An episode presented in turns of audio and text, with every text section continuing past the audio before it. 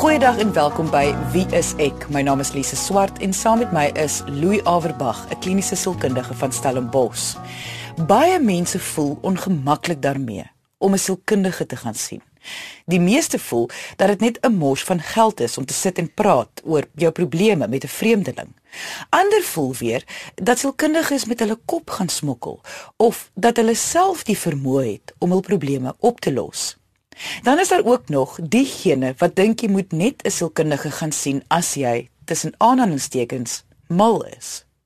So om hierdie mites, miskonsepsies en stigmas aan te spreek, gaan ons vandag gesels oor die wêreld van 'n kliniese sielkundige. Hoe hulle weet watter diagnose om te maak, hoe hulle werk met kliënte en van watter waarde hulle kennis en jarelange opleiding vir die man op straat kan wees.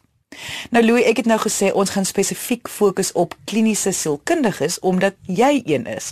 Maar kan jy net kortliks verduidelik watter soort sielkundiges mens kry en waarin elkeen spesialiseer? Soos in al die mediese en aanverwante velde kry jy ook verskillende tipe sielkundiges, soos jy verskillende tipe dokters kry.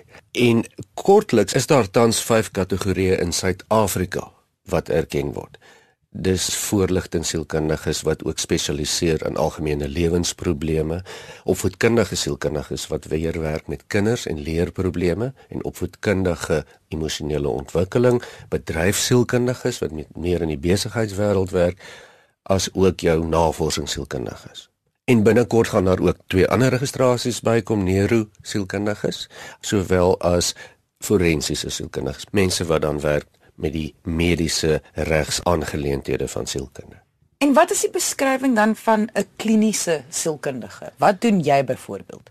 Kyk, al die kategorieë se beskrywings en se onderskeidings gaan oor die spesialistveld waarin mens dan jou internskappe gedoen het. Kliniese sielkundiges doen meer hulle internskappe by uh, psigiatriese inrigtinge en werk meer in die veld van psigiatrie.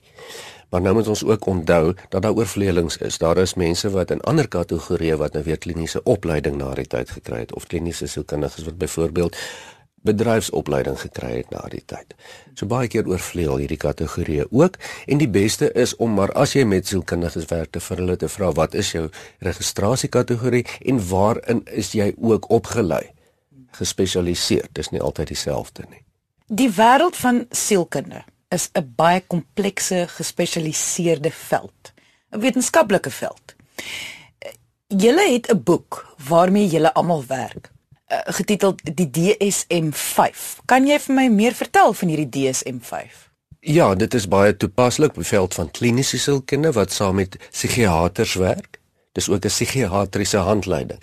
En almal het al gehoor hier van die Diagnostical and Statistical Manual of Mental Disorders, die sogenaamde psigiatriese Bybel, waarin jou navorsing saamkom wat vir ons tans aandui as jy 'n diagnose maak op grond waarvan die diagnose gemaak word. Byvoorbeeld, as jy sê depressie, dat daar spesifieke simptome is en spesifieke riglyne waarvolgens jy iemand kan diagnoseer met 'n major depressie en dat jy dit nie sommer net uit jou duim uitsuig nie. Wel dit is 'n geweldige dik boek. Ek sit net daarmee in my hand. Hier is baie diagnoses. Moet jy byvoorbeeld almal spesifiek ken, al die simptome en die tekens, moet jy hulle kan opnoem van jou geheue uit? Wel verkieslik. Ehm um, soos wat enige persoon wat in 'n sekere veld spesialiseer simptome en tekens daarom wragtig uit hulle kop uit moet ken. Uh, maar dit gaan oor meer as dit. Dit gaan nie oor 'n robotagtige aftik van simptome nie. Dit gaan oor regtig die verstaan daarvan binne die konteks van 'n persoon of 'n of 'n gesin of 'n 'n familie. Hoe weet ons die inligting in die DSM is betroubaar? Voordat ek dit antwoord, wil ek net sê dit is net een van die aspekte van die veld van sielkunde is nou maar die diagnostiese aspek. Alles gaan ook nie daaroor nie, maar as ons gaan kyk dia, na die diagnostiese kriteria vir afwykings, nê, nee, sielkundige of psigiatriese afwykings, dan gebruik ons die DSM-5 as die maatstaf en hoe weet ons dis betroubaar? Om daardie vraag te antwoord met mens amper verstaan hoe navorsing werk en dis 'n baie vervelig onderwerp. Maar as ons praat van betroubaarheid En geldigheid, want dis die ander vraag. Hoe weet ons dis betroubaar en hoe weet ons dit is geldig? Betroubaar beteken dat dit meet wat dit veronderstel is om te meet. Soos byvoorbeeld dat jy temperatuur in Celsius meet of in Fahrenheit, nie in sentimeters nie. Geldigheid beteken dat dit wat ons die resultate daarvan hê van navorsing kan ons van toepassing maak op ander mense. Dit moet nie net sommer 'n vaar ding wees nie, dit moet prakties met mense dit kan sien ook. So in terme van betroubaarheid is dit die beste wat ons het op die oomblik. En dis die betroubaarste wat ons op die oomblik het. Dit is natuurlik nie te sê dit is die alfa en die omega nie. Dit is nie te sê dit gaan selfs nie verander nie want dit gaan ook weer verander. Dit is maar in ons vordering in die wetenskap is dit waar ons is op die oomblik. Wanneer dit kom by die wetenskap, is mense geneig om skepties te wees. Sommige as gevolg van hulle geloof en ander as gevolg van hulle onkunde. Maar meestal is dit 'n wêreld waar dinge konstant verander as gevolg van die toetse en die tegnologie wat konstant ook verander. So dis is maar moeilik om die wetenskap te vertrou want as die DSM-5 nou sê dat hierdie die simptome van soos jy nou genoem het maar depressie is. Hoe weet ons dit gaan nie maar net oor 5 jaar weer verander nie? Dit gaan weer verander. En dit gaan waarskynlik binne 5 jaar weer verander. En dit is wat ons moet verstaan. Dit is hoe die wetenskap werk. Niemand van ons het 100% die antwoorde nie. So ons kan slegs bou op wat ons reeds weet en wat ons nou uitvind. Dis met ander woorde 'n goeie ding. As ons uitvind nie maar wag hierdie werk nie meer nie. Dit beteken ons weet nou bietjie meer. Ons verstaan 'n bietjie groter van die prentjie. Die tweede re rede daarvoor is omdat die samelewing verander, maar ook dat mense self verander. En ek praat van letterlik verander, fisiologies verander, neurologies verander. So jy bedoel die mensdom, nie noodwendig 'n individu nie. Ek bedoel beide. Onthou, ons is steeds in 'n proses van konstante evolusie. Dit gebeur baie vinniger as wat mens dink. Mense in 2017 oor die algemeen reg oor die wêreld lyk bietjie anders as wat hulle gelyk het 100 jaar terug. Hulle breine lyk 'n klein bietjie anders. Die patrone lyk anders. Dis hoekom mense anders dink ook en anders dan ook reageer op dinge. En dit is in hierdie veld van veranderende chaos waar mens dan probeer eilande skep van sekerheid deur te werk met wat ons nou reeds weet en dit wat ons kan veralgemeen op die meeste mense. Dit is nie sonder foute nie, maar weer eens dit is amper die veiligste wat ons het. Ek wonder nou net as jy nou sê dit gaan dalk verander binne die volgende 5 jaar. Sê net maar ek is nou 'n persoon wat gediagnoseer is met weer eens die voorbeeld van major depressie. Beteken dit wat jy sê is oor 5 jaar kan ek dalk hoor o nee jammer dit was nie major depressie gewees nie. Kyk, dit sal waarskynlik nie so radikaal wees nie. Maar dit sal byvoorbeeld 'n klein skuif in die verstaan daarvan wees, soos byvoorbeeld bipolêre verstoring wat vir baie lank gesien word as deel van die gemoedsversteuring, as deel van 'n vorm van depressie. Tegnologie verander, daar kom nuwe navorsing by totdat ons nou uitgevind het wag, daai is nie 'n vorm van depressie nie, dis 'n ding op sy eie. En in daardie konteks, ja, kan jy dit dalk hoor, maar dit was nie depressie nie, dit was meer dit. Maar dit is ook maar net beskrywings om iets beter te verstaan. Goed, so so, so ek het nou verstaan is eintlik dan dit is 'n goeie ding want wat jy sê is soos dit verander. As ek dan nou 'n persoon is met 'n major depressie diagnose, kan my behandeling net nog beter raak soos hulle dit beter verstaan en dit verander. Natuurlik, want dit is waaroor dit gaan. Daar is geen sin in om goed te klassifiseer net vir die punt van klassifikasie nie. Dit is daarop gerig om beter te verstaan om 'n beter behandeling te uit te werk. As ons dus weet hierdie nuwe behandeling werk vir 7 uit 10 mense, dan kan ons dit mos nou eerder aanvaar as wat ons gebruik het in die verlede wat net vir 6 uit 10 mense gewerk het. Jy luister na Wie is ek met Louie en Lise op RSG 100 tot 104 FM. Die wetenskap van menslike gedrag is maar nog 'n baie jong wetenskap. En as mens daaroor gaan oplees, sal mens sien dit begin eintlik nou eers waarlik momentum optel. Maar hoe het dit begin dat, dat iemand agtergekom dit is belangrik om die mens en die mensdom te verstaan? Kyk hier in die in die laat 18de eeu was daar hier en daar sulke navorsing wat gedoen is op grond van die beperkte mediese insig wat daar was op daardie stadium. Mense het gewonder oor hoekom tree mense op 'n sekere manier op. Maar alles wat daaroor gedink het was op grond van fisiese redes. Bekende voorbeelde daarvan tot omtrent net hier voor 1900 selfs nog tot in omtrent 1900 wat het baie van die huidige medisy van daardie tyd, die vooraanstaande medisy, geglo dat net vrouens kan hysteries word. En dit gekoppel aan die feit dat hulle 'n uterus het. En dis waar die woord hysterie vandaan kom van die woord uterus af oorspronklik en hysterektomie. Dit het eers hier omtrent in 1900 begin verander toe Sigmund Freud die heel eerste keer 'n teorie gehad het deur te sê maar wag, ons kan nie alle menslike gedrag net verklaar in terme van mense se fisiese lywe nie. Daar is denke en prosesse wat daarmee gepaard gaan ook. Dit was natuurlik revolusionêr geweest en dit is dan ook waar die wetenskap van menslike gedrag begin het om 'n baie groot sprong te kry. Hoe primitief dit ook nou al klink. En dan moet ons natuurlik onthou dis letterlik net omtrent 120 jaar gelede. Dis baie min. Maar sover soos wat die wetenskap van menslike gedrag al gevorder het, is dit tog nog steeds baie interessant hoe die samelewing se siening daarvan nog nie heeltemal saam met dit gevorder het nie. Ja, omdat dit nog 'n baie kort wetenskap eintlik is. Ons gesels vandag oor sielkundiges. Ja, vir die meeste mense is dit sekerlik die verveligste onderwerp onder die son. Maar as ek vir jou vra, is jy 'n mens? Ervaar jy emosies? Dink jy oor jouself of oor die mense om jou? en jou antwoord is ja op ten minste twee van die drie vrae, beteken dit nie jy hoef 'n sielkundige te gaan sien nie, maar dit beteken wel dat jy deel is van die mensdom. En sielkundiges is die mense wat die inligting en kennis van hierdie wetenskap aan ons kan oordra. Alles wat te doen het met sielkundige toestande en die wetenskap agter menswees. Maar aan die einde van die dag is daar nog stigmas, miskonsepsies en agterdog agter die werk wat sielkundiges doen. Ons almal verstaan wat 'n dokter doen. Hy of sy maak jou gesond, maar 'n sielkundige, hulle smokkel mos met jou brein. Louis vir die advertensiebreek het ons begin gesels oor hoe die wetenskap riglyne vir sielkundiges kan bied as gevolg van jare se navorsing, maar tog hoor ons daagliks hoe elke mens uniek is. En maar hoe dan nou? Hoe kan jy dan 'n diagnose maak van depressie, maar tog almal verskil? Op dieselfde manier wat jy 'n diagnose kan maak van griep, maar almal verskil nog steeds.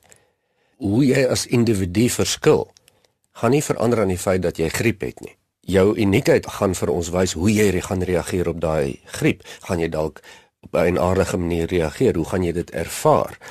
Uh wat gaan jou liggaam daarmee mee maak? Met nog steeds griep. So jy kan onderskei tussen die siekte en die mens. Wel mense is veronderstel om te kan. D dit is tog die hele punt. Is waar dit kom by menslike gedrag sal een van die vrae wees, het jy net 'n toestand of wat gaan hier aan? En meeste sielkundige toestande is maar net toestande, soos wat griep 'n toestand is of 'n siekte is. Kom ek vra vir jou so. Wat in die wetenskap van menslike gedrag maak jou opgewonde? die tegnologie en die navorsing en natuurlik dan die feit dat dit teen die verskriklike pas wat dit uitbrei, ons verstaan ook daarmee saam kan uitbrei. Ons het nou net gesê dat die afgelope 120 jaar het baie stadig en primitief begin en dit vorder nou al so goed. Ek sien baie uit na wat oor 20, 30, nog die volgende 100 jaar vir ons sal oplewer in die veld van menslike gedrag en ek dink dat ons in ons wildste drome waarskynlik nie weet wat wat voorlê nie. Ons sal moet van die stigmas rondom jou werk, jou beroep, moet sal ons moet aanspreek. As jy nou vir die luisteraars moes motiveer, hoekom hulle kan baat by die hulp van 'n sielkundige? Wat sou jy sê?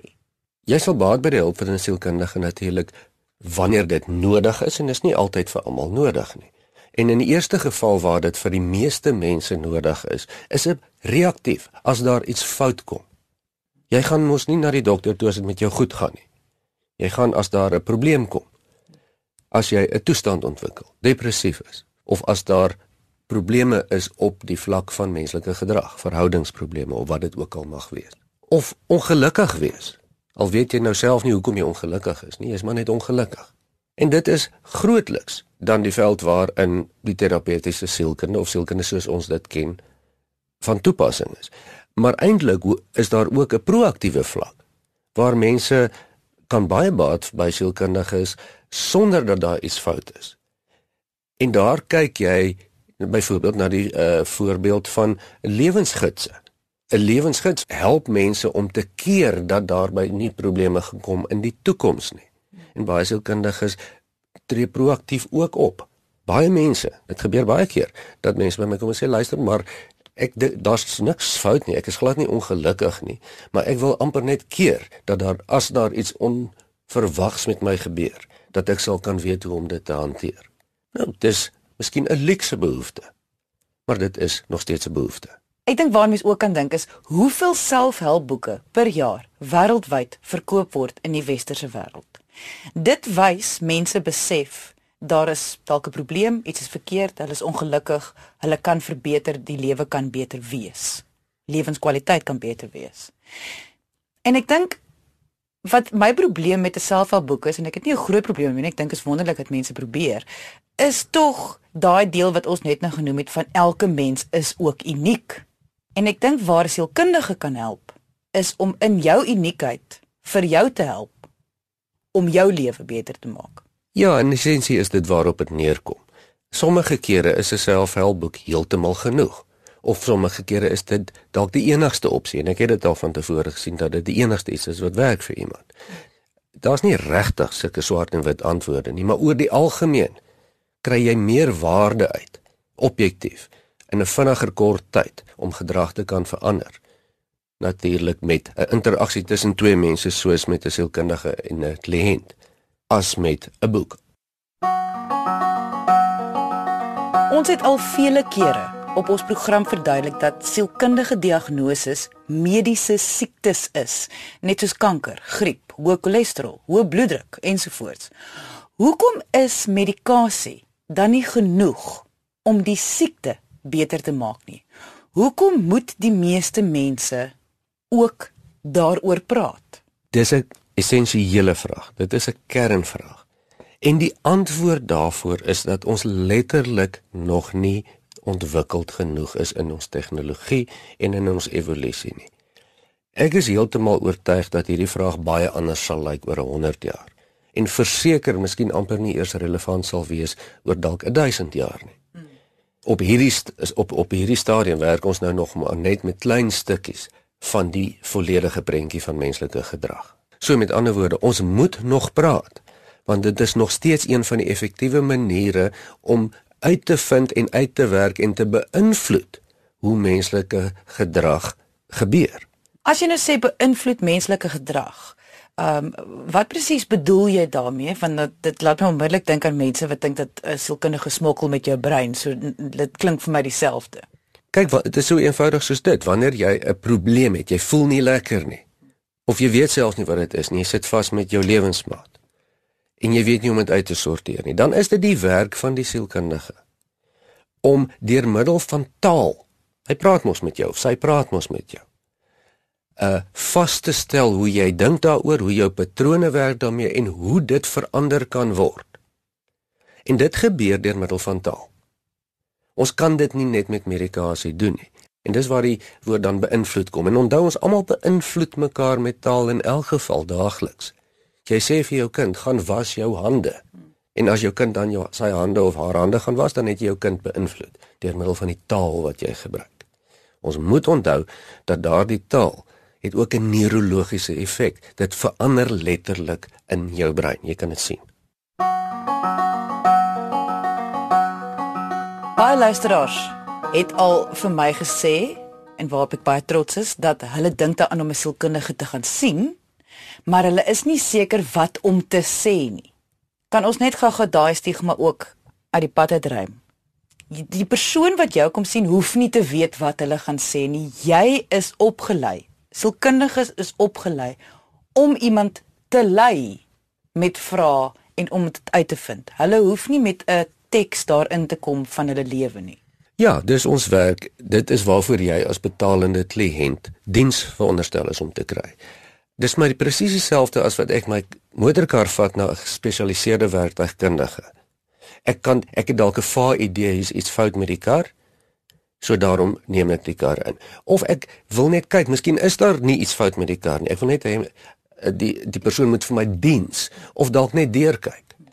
Of daar's dalk ernstig fout met die kar. Maar dis die werk van daardie persoon wat wat wat vir my moet vra maar wat is fout? Waar hoor jy die geleide? Kom ons kyk en hy moet dit vir my lei daarmee. Dis presies dieselfde beginsel. Jy luister na Wie is ek met Louie en Lise op RSG 100 tot 104 FM. Ter afsluiting, die tyd het ons nou ingehaal.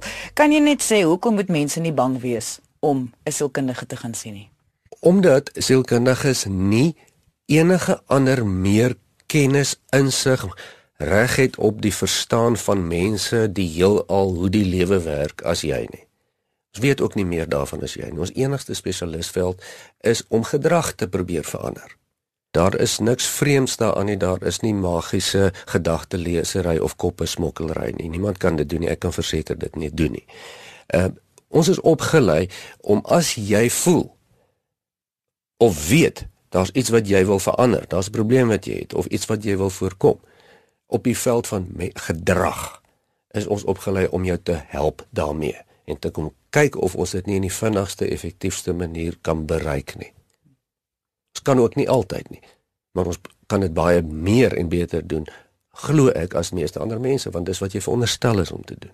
Dis waarvoor ons opgelei is. Indien jy enige vrae het oor vandag se onderwerp, kan jy ons kontak via ons webwerf. Dit is wieisek.co.za. En as jy graag jou ervaring wil deel van toe jy dalk 'n sielkundige gaan sien het, gaan asseblief na ons Facebookblad en deel dit met ons almal. So jy gaan net na Facebook en soek onder Wie is ek met Louie en Lise. Onthou jy kan na enige van Wie is ek se episode gaan luister as 'n potgooi op RSG se webwerf rsg.co.za. Dankie dat jy vandag ingeskakel het. Ons maak weer so volgende Vrydag 12:30 net hier op RSG. Jy moet 'n heerlike naweek hê en onthou, kyk mooi na jouself.